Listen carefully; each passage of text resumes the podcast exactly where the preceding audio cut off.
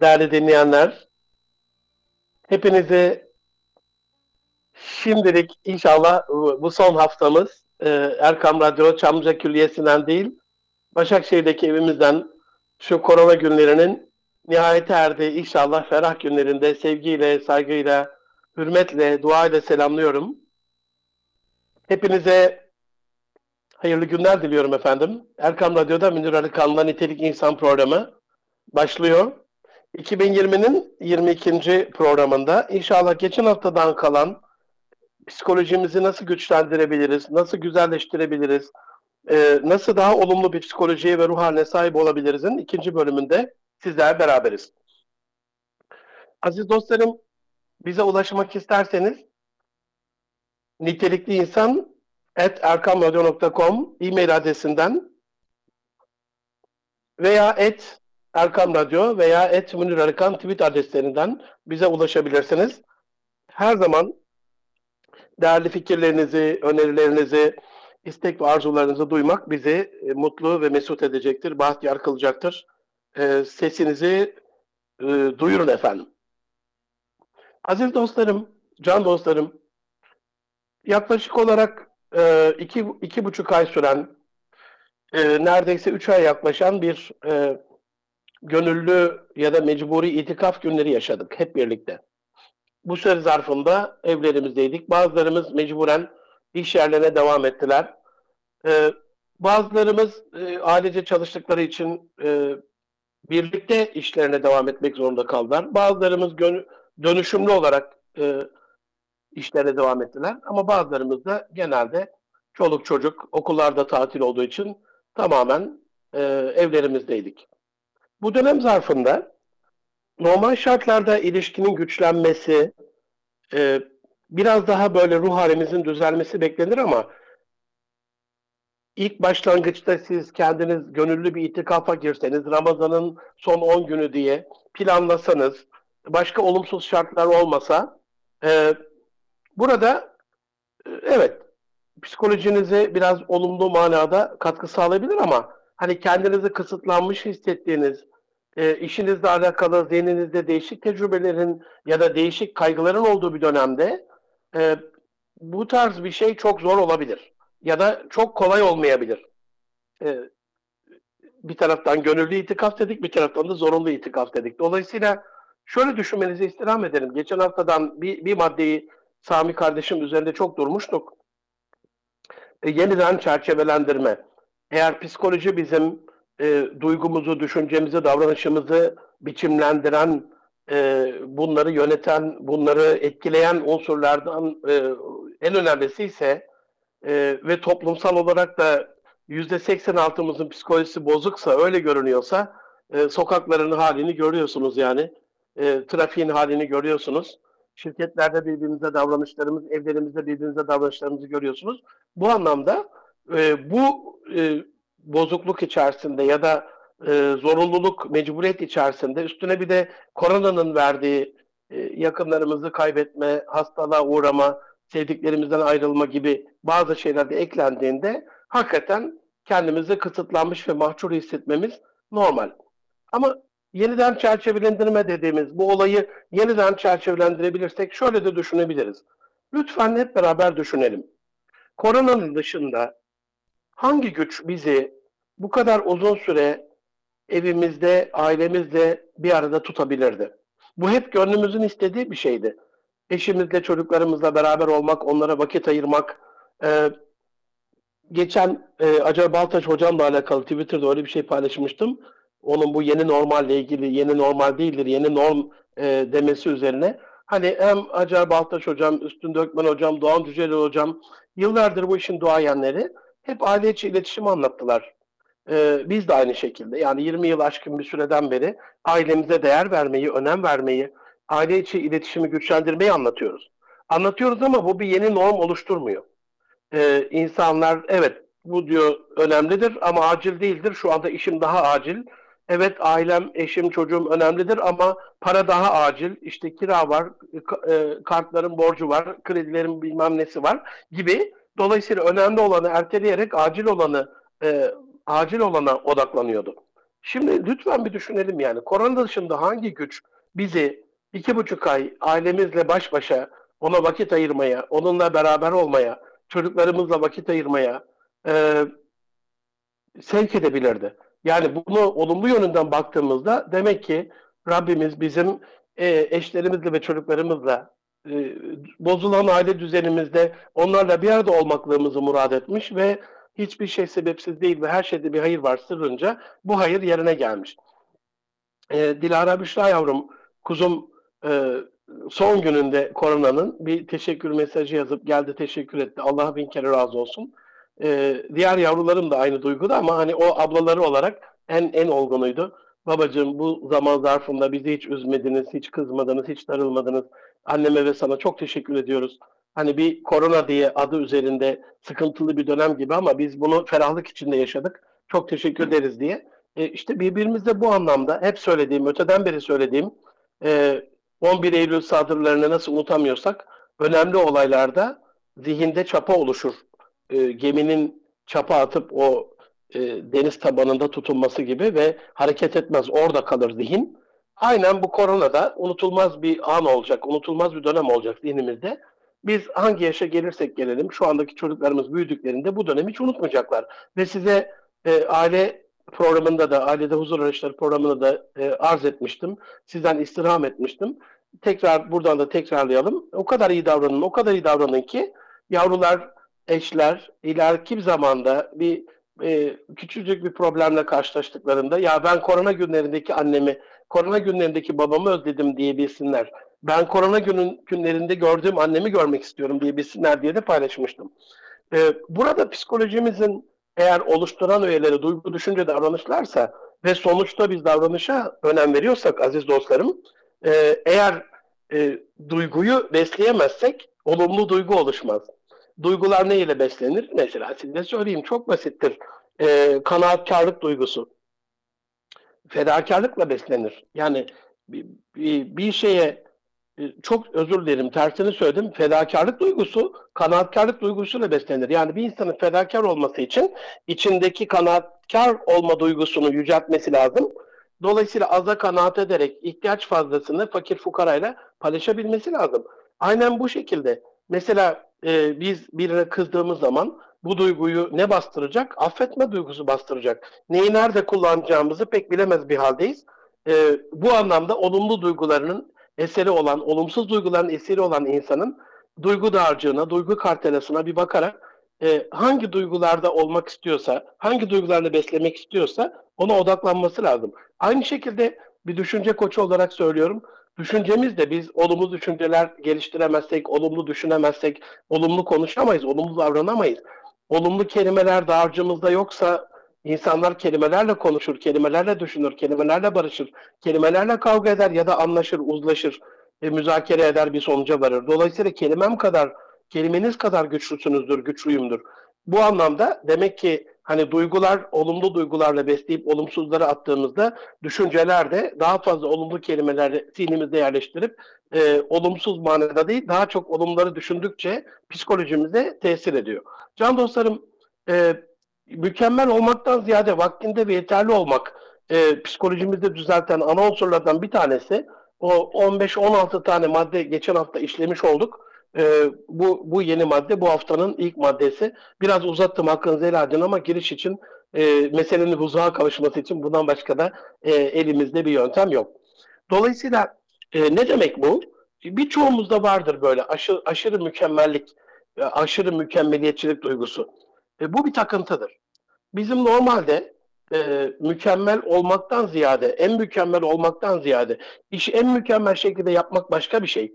E, aynesi iştir, kişinin lafa bakılmaz demiş e, üstadlar. E, Ziya Paşa'nın sözüydü yanılmıyorsam. Dolayısıyla yani lafa bakılmaz, lafla peynir gemisi yürümez. E, sonuca bakılır. Eli boş, aşıklara, mahbuplara el vermezler diyor şair. Dolayısıyla işi mükemmel yapmak elbette lazım ama burada e, en en mükemmeli benimki olacak. En mükemmel ben olacağım. Mesela bazı hanımlarda vardır. E, erkekler normal şartlarda eğer Haziran sonunda bir düğün varsa e, bütçeyi düşünür. İşte oraya ne kadar bir altın takacak onu düşünür. Ama hanımlar için öyle değil. e, kıyafetler önemli. Yanın, yanında onu e, onunla kombin edecekleri e, çantaları önemli. Onun ayakkabıya uyumu önemli. Onun işte e, pardesüsü, eşarbı neyse o tamamlayıcı öğeleri, unsurları, ana unsurları onlar önemli. Dolayısıyla e, orada bir başkasıyla pişti olmayacak. Yani biz erkekler buna hiç dikkat etmeyiz. Önemli de değildir yani. Benim giydiğim kıyafetten bir başka arkadaşında varsa ben buna gurur duyarım. Ama onlar bunu takıntı yaptıkları için hani hele bir de gelinlerse bunu yapanlar yani bir de yeni gelinlerse yeni gelin en mükemmel olacak. En beğenilen kişi olacak orada. İşte bir de gelinlerin kayınvalideleri işte yeni geline bakamıyor, yeni gelini e, güzel giydiremiyor falan derler. Hep böyle bir beğenilme duygusundan, e, insanlar ne der kaygısından, e, el ne der e, sıkıntısından kaynaklanıyor aslında bu. Şunu bilmemiz lazım can dostlarım, aziz dostlarım. Ne yaparsak yapalım burası dünya. Dünya daniden geliyor, adiden geliyor, kıymetsizlikten, dünya, dün gibi olmaktan, gelip geçicilikten geliyor. Burası e, ahiret konağı değil. E, ezeli konağımız burası değil. Geçici bir oyun o, e, uğraştayız. Bitecek bu imtihan, bir sınavdayız ve asıl e, ebedi ahiret yurdunda inşallah e, cennette e, Rabbimizle, Peygamber Efendimiz Aleyhisselam'le beraber olacağız. Dolayısıyla e, dünya hali, insanlık hali burada illa bir eksiklik ve aksaklık olacaktır. Ama biz bu eksikliği, aksaklığı e, özellikle el ne der kaygısıyla kendimize yediremediğimiz için e, daha fazla işi mükemmel yapma takıntısına sahip oluyoruz. Bir başka olgu bununla alakalı bilmemiz lazım ki biz zaferden değil seferden sorumluyuz. E, ameller, ameller niyetlere göre yani niyetimizi ilk ilk başta Rabbim soracak halis niyetle elimizden gelen en iyisini yaptığımızda elimizdeki kaynakları seferber ettikten sonra gerisi gereken şey tevekkül. E, aksi evham. İşte bu psikolojimizi bozuyor. Ne yapmamız lazım? Kaynaklarınızı seferber ettiniz mi? Yani sabahleyin 8.30'da bir toplantınız vardı.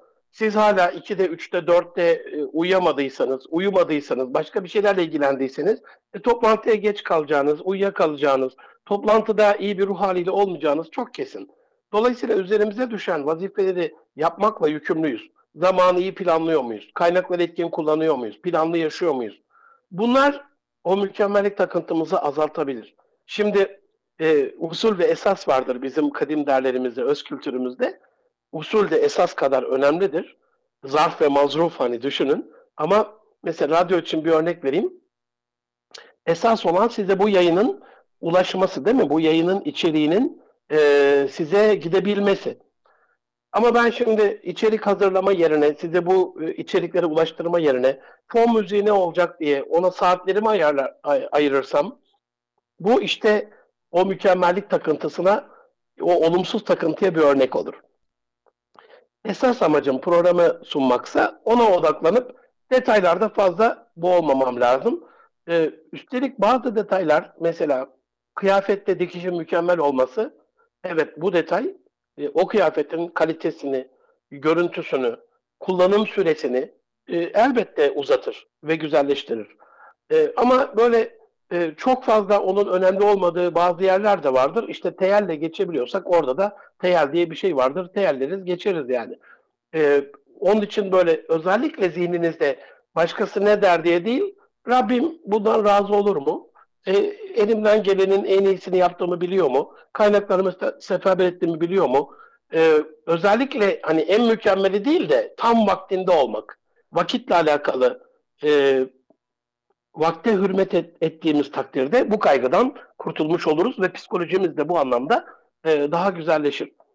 Tefekkür bir başka unsur. Psikolojimizi güzelleştirmek için derin, derundan gelen o düşünce çok önemli kültürümüzde, kadim derlerimizde bir saatlik derinlemesine tefekkürün 70 yıllık nafile ibadetten evla olması boş yere söylenmiyor. E, şu andaki çağımızın en büyük e, sıkıntısı e, hani Kur'an-ı Kerim'de de geçer yâlemun o zahiren bilen hayatı dünya. Onlar dünya hayatını zahiren biliyorlar, yüzeysel biliyorlar, kabuk kısmını biliyorlar. E, o, ve muhakkak onlar ahiret hayatından habersizdirler, gafildirler diye e, Rabbimiz bunu söylüyor. Şu anda yüzeysel derinlemesine bilgimiz yok. Yüzeysel biliyoruz, yüzeysel düşünüyoruz. Bu da problemlerimizi artırıyor. Çünkü çözüm derindedir. Aynı bir petrol kuyusunun 2000, 3000, 4000 metreden petrol çıkarması gibi. Yani 20 metrelik kuyuyla belki su bulabiliriz yani. 20 metreden petrol benim bildiğim kadarıyla çıkmaz. Dolayısıyla e, çözüm derinlerde olduğuna göre bu bir peygamber yöntemidir. E, derin düşünce ve tefekkür. E, hem içsel sıkıntıları giderir, insanı olumsuz duygu düşüncelerden arındırır. Hem de duygu düşünce kalitemizi e, yükseltir, güzelleştirir. İnsanı ruhani bir mertebeye ulaştırır. Onun için çok önem vermiştir Peygamber Efendimiz. Yani yılın belli vakitlerinde e, mutlaka e, işte e, Cebele Nur'da değil mi? O e, küçük e, tefek, tefekkürhanesinde o Mekke'yi tepeden gören e, yerde Ramazan boyunca özellik özellikle bir ay bir ay boyunca e, uzun bir dönem orada olduğu söylenir. Yıllarca bu e, davranışı yaptığı söylenir. Şu anda mesela günümüzde de böyle e, dünyayı yöneten çok büyük şirketlerin yani ciroları 200, 300, 500 milyar doları bulan, firma değerleri 1 trilyon doları bulan şirketlerin CEO'ları, sahipleri, yöneticileri yılda 15 günlüğüne derin tefekkür için ona tabi derin onlarda yok, tefekkür yok, e, itikaf yok ama ne yapıyorlar? Buna zihinsel detoks demişler aziz dinleyenlerim. E, ve bu arınma programını uyguluyorlar. Diyorlar ki olumsuz şeylerden uzaklaşacağım, duygu ve düşüncelerden doğada, tamamen doğal ortamda, e, tamamen doğal şartlarda sakız çiğnemek bile yasak.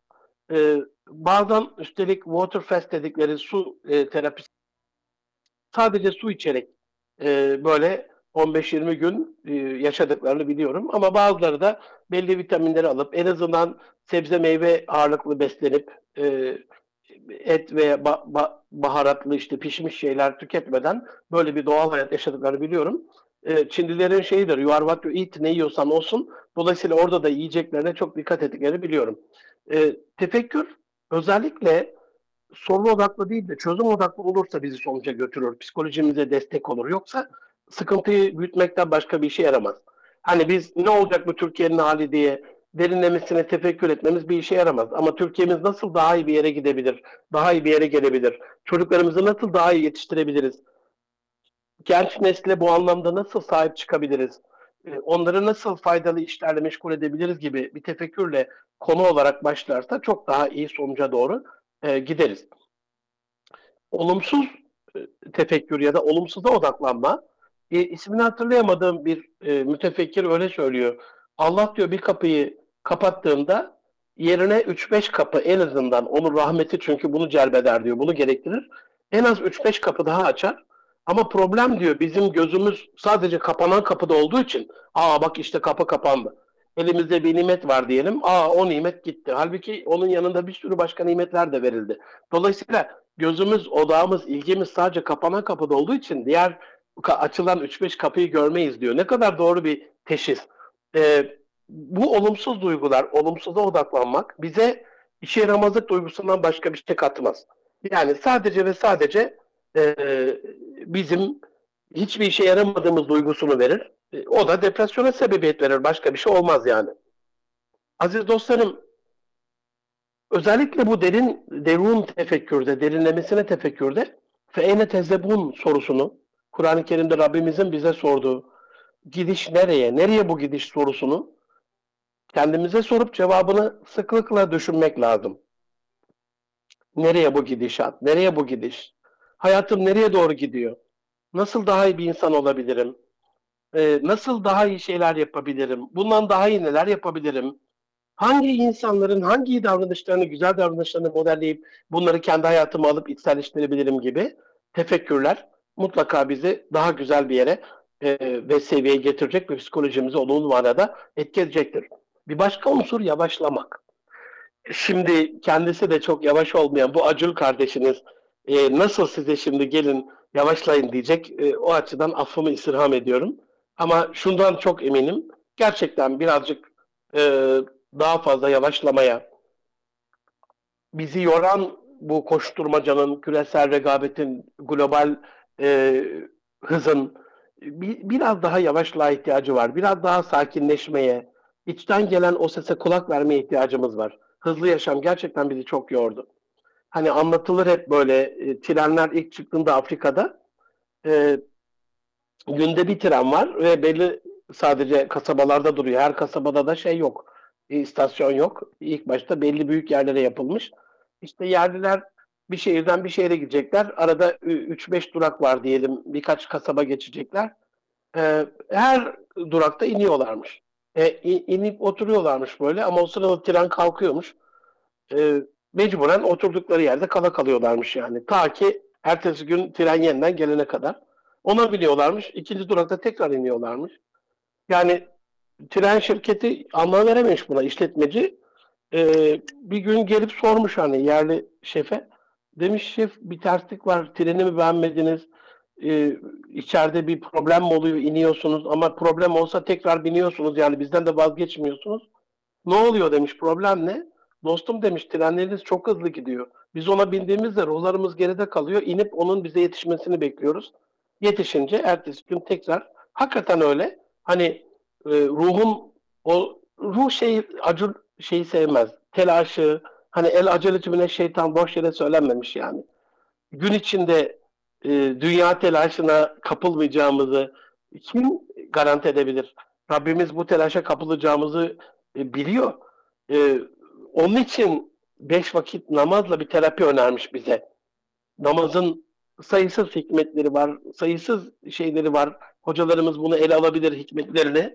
Ee, ama ben acizane namazın hem böyle derin bir tefekkür, az evvel anlattığım tefekkür hayatımıza bir e, katkısı olduğunu hem de bir bizim açımızdan bir yavaşlama vesilesi olduğunu düşünüyorum. Bizi gerçekten yavaşlatan, olmamız gerektiği hıza getiren ya da yani yavaşlatan derken böyle e, hımbıl, pısırık, miskin, bedbaht bir yavaşlıktan kastetmiyorum, bahsetmiyorum. Olmamız gereken hıza bizi getirdiğini düşünüyorum. E, düşünsenize aziz dostlarım, can dostlarım, Erkam Radyo'nun değerli gönüldaşları. Ezan-ı Muhammedi okununca ona icabet ediyoruz biz. Hani ezan işittiğiniz zaman siz de müezzinin dediğini tekrarlayın diyor Peygamber Efendimiz sallallahu aleyhi ve sellem. Dolayısıyla bunun rahatlatıcı bir etkisi var. O onun hızına uyuyorsun. Bak kalibrasyon diyoruz buna. Hız kalibrasyonu. O e, speed calibration. O e, Ezan-ı Muhammedi okurken diyelim biz çok çar çabuk bir iş yapıyoruz, koşturarak bir şey yapıyoruz. Hemen o hıza uyup yavaşlıyoruz. O bizi sakinleştiriyor. Mesela çok hızlı böyle abur cubur konuşan sizinle çok hızlı böyle şu anda benim yaptığım gibi konuşan birisi varsa onun karşısına çıktığınızda azizim merhabalar nasılsınız iyi misiniz diye onun o hızlı konuşmasını yavaşlattığınızda kalbine bir sükunet gelecektir yani. Hakikaten öyledir. Bir kalibrasyon sağlar. Bir de ecdadımız o büyük Osmanlı uygarlığı Allah e, rahmet etsin, merhamet etsin bütün geçmişlerimize. Her vakte o vaktin psikolojisine uygun makamı bestelemiş, güftelemiş. Musiki de ezanın rahatlatıcı etkisini ek, eklemiş etkiyi iki katına çıkarmış. Üstelik bir de yani e, psikolojimizde şöyle bir şey vardır. Şimdi kaos, kaos çıktığında e, çapulcular ortalığı taladığında e, dünyada örneklerini görüyorsunuz. Devlet gittiğinde, bayrak düştüğünde Allah muhafaza e, güvenlik en önemli psikolojik e, Abraham Maslow'un ihtiyaçlar hiyerarşisinde piramidin e, en şeyinde Tabanında bu vardır. Bir numaralı tabanı budur yani altyapısı temeli. O yoksa yani güvenlik güvenliğimiz yoksa hiçbir şey düşünemeyiz yani. Önce e, kapının güvende olmasını, evimizde kapıyı kapattıktan sonra kimsenin bize musallat olmayacağından emin olmak isteriz. Yolda yürürken kimsenin bize musallat olmayacağından, başımıza kötü bir şey gelmeyeceğinden. Dolayısıyla ezan e, biz onu duyduğumuzda e, Müslüman bir belgede, beldede yaşadığımızı telkin ediyor bize onun rahatlığını ve güvenini e, telkin ediyor. Bir huzur veriyor. Evet bir güvenilir beldedesin. Ayrıca ezanı ezanı Muhammedi e, müezzinle beraber söyledik, yavaşladık. E, abdest alacağız. Psikolojiyi bir düşünür müsünüz? Suyla buluşturuyoruz vücudu. Tansiyon biraz daha düşüyor. E, suyun o rahatlatıcı enerjisini alıyoruz, sakinleşiyoruz. Acil bir şekilde değil, böyle yavaş yavaş abdest alırken sağımıza solumuza sıçratmadan hani oturduk şadırvanda yanımızdaki dostlara e, bir zarar vermeden usule uygun bir abdest ve camiye yürüyüş yavaş yavaş. Yürüyüş zaten kendi içinde bir terapi ve rahatlama. ko- koşmayı men ediyor Peygamber Efendimiz sallallahu aleyhi ve sellem. Hani mesela düşünün camiye girdiniz, hocam koşmayı nasıl men ediyor? O da bir spor, onu demiyorum. Hani girdiniz abdest alıp camiye, baktınız durmuşlar farda, işte bir rekat bir rekat kaçırmayayım diye onlar rüküye gitmeden paldır küldür bazen olur böyle. Özellikle zemini e, ahşap ve tahta olan camilerde öyle bir sallanır ki böyle tangur tungur paldır küldür ne oldu bir adamcağız namazdan bir, bir rekatına yetişecek. Rekatın sevabını küçümsemek adına söylemiyorum. Ama ne oldu? İçeride bulunan 200-300 kişinin namazı fesat oldu. Bunu bildiği için ne diyor? Koşa koşa gelmeyin. Yavaş yavaş. Yavaş yavaş gidiyoruz oraya. Çünkü hakikaten bizi yavaşlatan bir şey namaz. Sükunete erdiren bir şey. Sonra e, tekbiri aldık, namaza durduk. Tadil erken diye bir şey var. Hani yat yat kalk kabul eder halk diye bir şey var böyle. E, hayır, jet imamlık biz, bizde yok can dostlarım. Hani jet imam diye bir şey kim bulduysa bunu vebali ağırdır yani. İmamlığın jeti olmaz. İmamlık bir sükunet makamıdır. Lider acül olmaz. Lider böyle e, parparlamaz eskilerin tabiriyle. O sakindir. Üstelik acele şeytan olduğuna göre e, lider rahmani anlamda başımıza tac ettiğimiz kişi olduğuna göre onda acele vasfı yakışmaz. Sırıtır yani. E sonrasında tesbihat var. Nasıl sükunete erdiriyor böyle. Sonrasında dua var. Bunu birazdan daha ele alacağım. E, gerçekten kalbimizdeki dünya telaşını silen, tabiri caizse böyle rot balans serimizi yapıp bizi uğurlayan bir şeydir namaz. Bir de hani bu yavaşlamayla alakalı yavaş konuşan insanları severiz. Ben bunu pek beceremiyorum fıtratım gereği. Hepinizden affımı istirham ediyorum. Acül ve acele edici, yerinde duramaz. Böyle hiperaktif bir yapım var.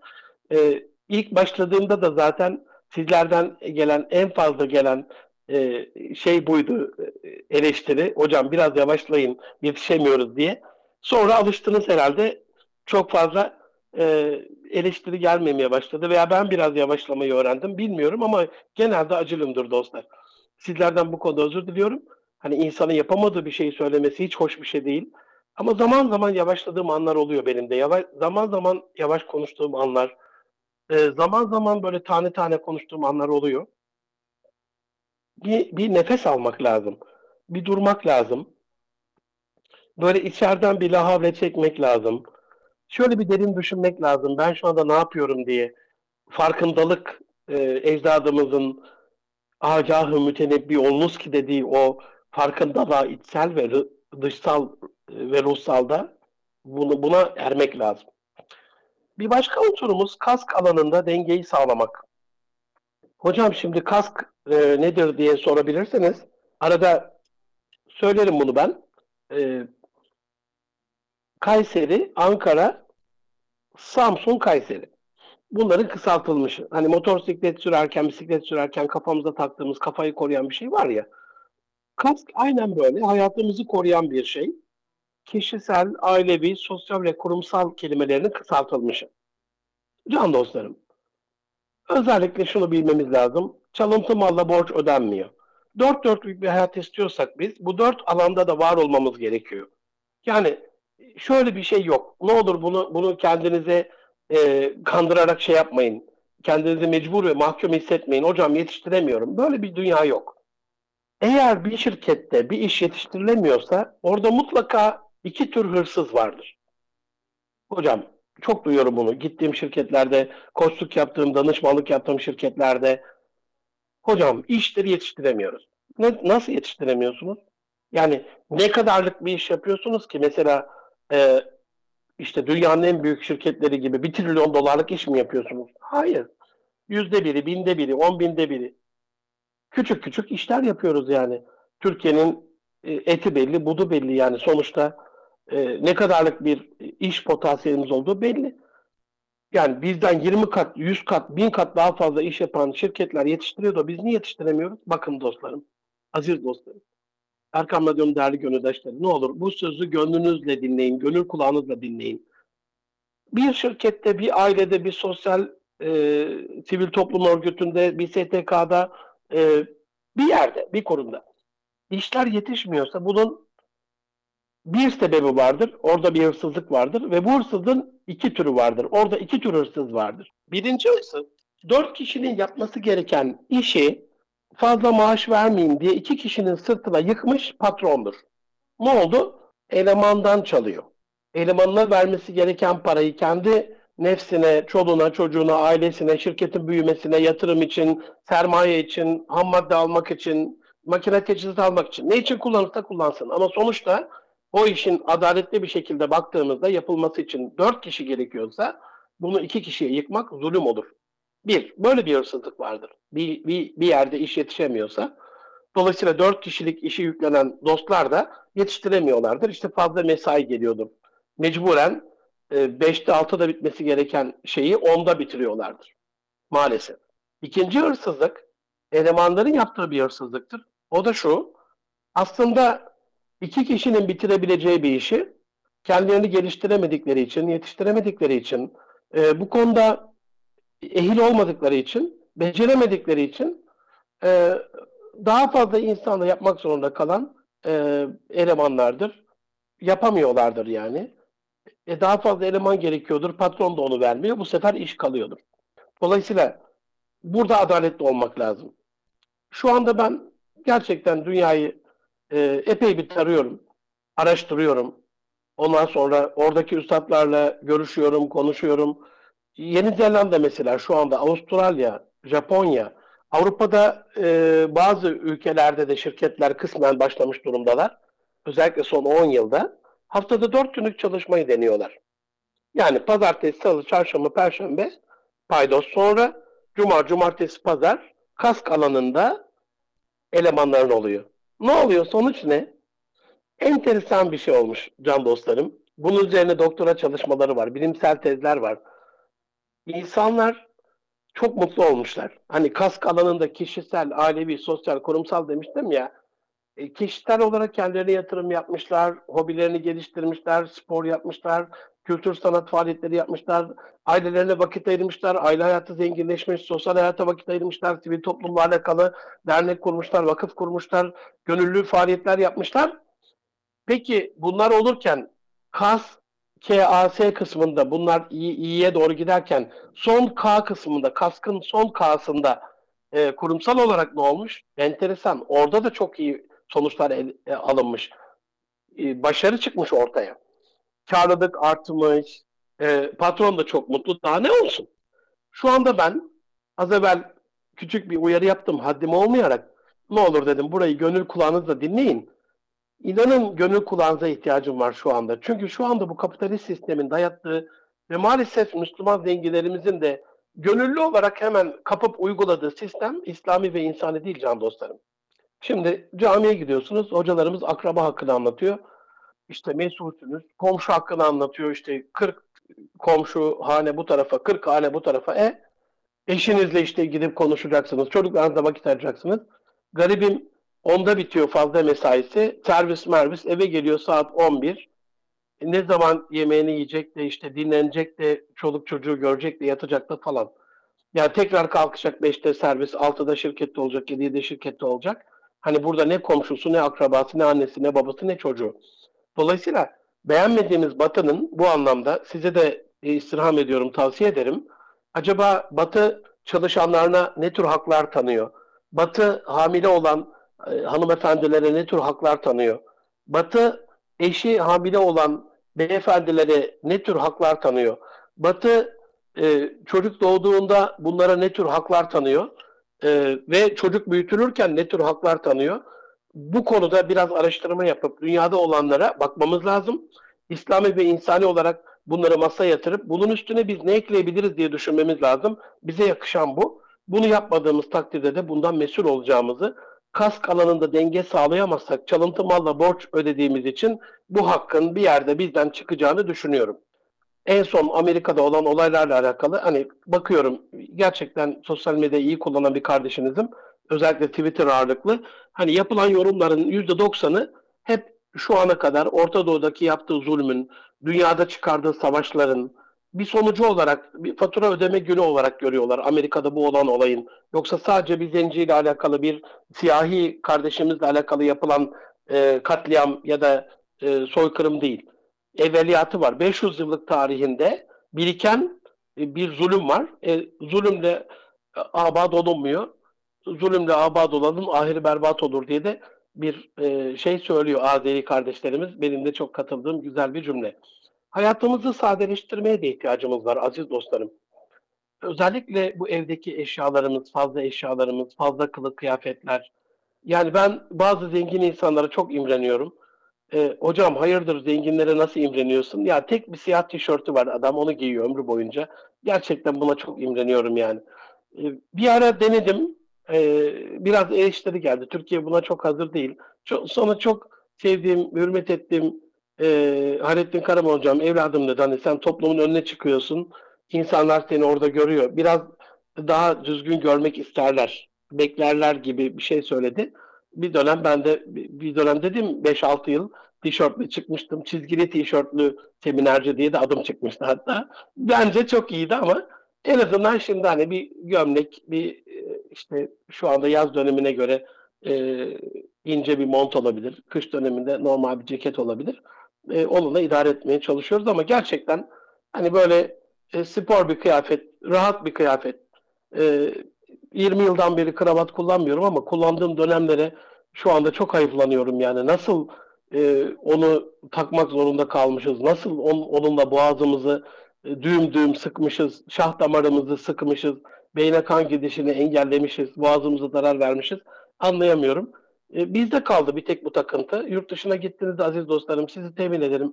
Hiç kimsenin hani batı batı diye görüyoruz da yani, yani batıda da yok kravat. O, onu söyleyeyim. Çok dikkat etmezler insanlar buna.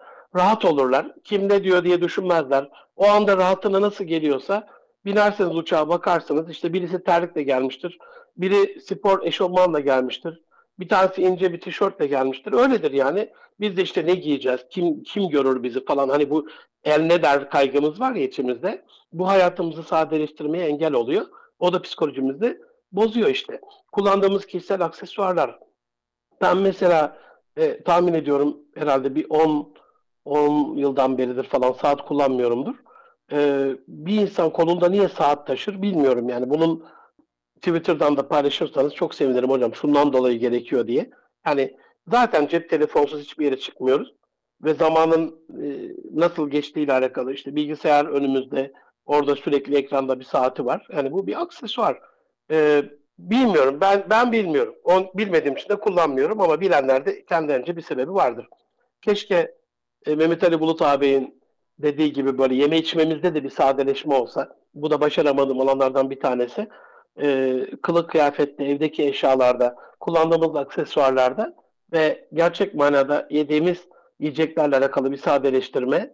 Bir ruh sadeliği seviyor. Yani ruh böyle komplike bir yapı ama e, sadelikten yana böyle e, sade olduğunda, doğal olduğunda, hiç öyle e, kurgular, murgular, telaşlar bilmem neler olmadığında çok güzel bir şey var Osmanlı'nın. Mal hazır demiş. Mesela işte akşam misafirliğe gittiniz. Ne varsa onu ikram ederler. E şimdi misafir alamıyoruz. Niye? E, masraflı oluyor. E, niye masraflı oluyor? Çünkü 5 çeşit, 10 çeşit şeyler aman ayıp ayıp demesinler, eleştirmesinler. Gittik de bir çeşitle yolladı demedi. Hayır ne münasebet yani. Allah Resulü'nden daha değerli bir insan mıyız yani? Sütle ağırladığı olmuş sadece. Bir hurmayla ağırladığı olmuş yani. Bizim evimizde de bu var deyip onu ikram edebilmemiz lazım ama işte el ne der? Burada da devreye giriyor. O da psikolojimizi nasıl bozuyor? Kredi kartına yükleniyoruz o misafiri ağırlamak için. Ee, ondan sonra o gidiyor, izzet ikram bitiyor. Sonra ödeme ile alakalı sıkıntı vakti başlıyor. Ondan sonra biz niye sıkıntıdayız? Birazcık sadeleşmeye ihtiyacımız var. Aziz dostlarım, e, can dostlarım, e, bu hafta e, bize ayrılan sürenin sonuna geldik. Bundan sonraki bölümde inşallah bitirmiş olacağım. E, 8-10 bölüm daha kaldı. 8-10 madde daha kaldı. İnşallah psikolojimizi güçlendirmek kısmını e, üçüncü bölümünde bitiririz. Bu ikinci bölüm burada bitmiş olsun. 23. program. 24'te bunu bitirmiş oluruz. E, bize ulaşmak isterseniz et Erkam Radyo ve et Müdür Arıkan tweet adreslerinden ya da nitelikli insan et erkamradyo.com e-mail adresinden e, bu konudaki önerilerinizi, fikirlerinizi, psikolojimizi ne güçlendirir, psikolojimiz niye bozuk, bunun e, tedavisi ya da çözümüyle alakalı sorularınız olursa bunları beklerim. Gelecek hafta inşallah özellikle ibadetlerimize dikkat etmek e, ve dua ve zikirle alakalı, Esma-ül Hüsna ile alakalı, yeni şeyler öğrenmeyle alakalı, yeni yerler ziyaret etmekle alakalı ve insanlara iyi davranmakla alakalı bir bölüm olacak. Kaçırmamanızı şimdiden tavsiye ederim. Çok önemli bir bölüm. İnşallah psikolojimizi, haleti ruhaniyemizi iyi tuttuğumuz, güzel tuttuğumuz, aynı bedenimiz gibi nasıl sabahleyin kalktığımızda elimizi yüzümüzü yıkıyoruz, nasıl namaza başlamadan evvel abdest alıyoruz, psikolojimizin de e, bu duygu, düşünce, davranış üçleminde temizliğe e, ihtiyacı var. Onu da ö- özel ve güzel duygularla, olumlu duygularla temizlediğimiz, güzel düşünerek onu daha güzel bir hale getirdiğimiz e, bir dönem diliyorum. Gelecek hafta görüşünceye kadar her şey gönlünüzce olsun. Hoşça kalın efendim.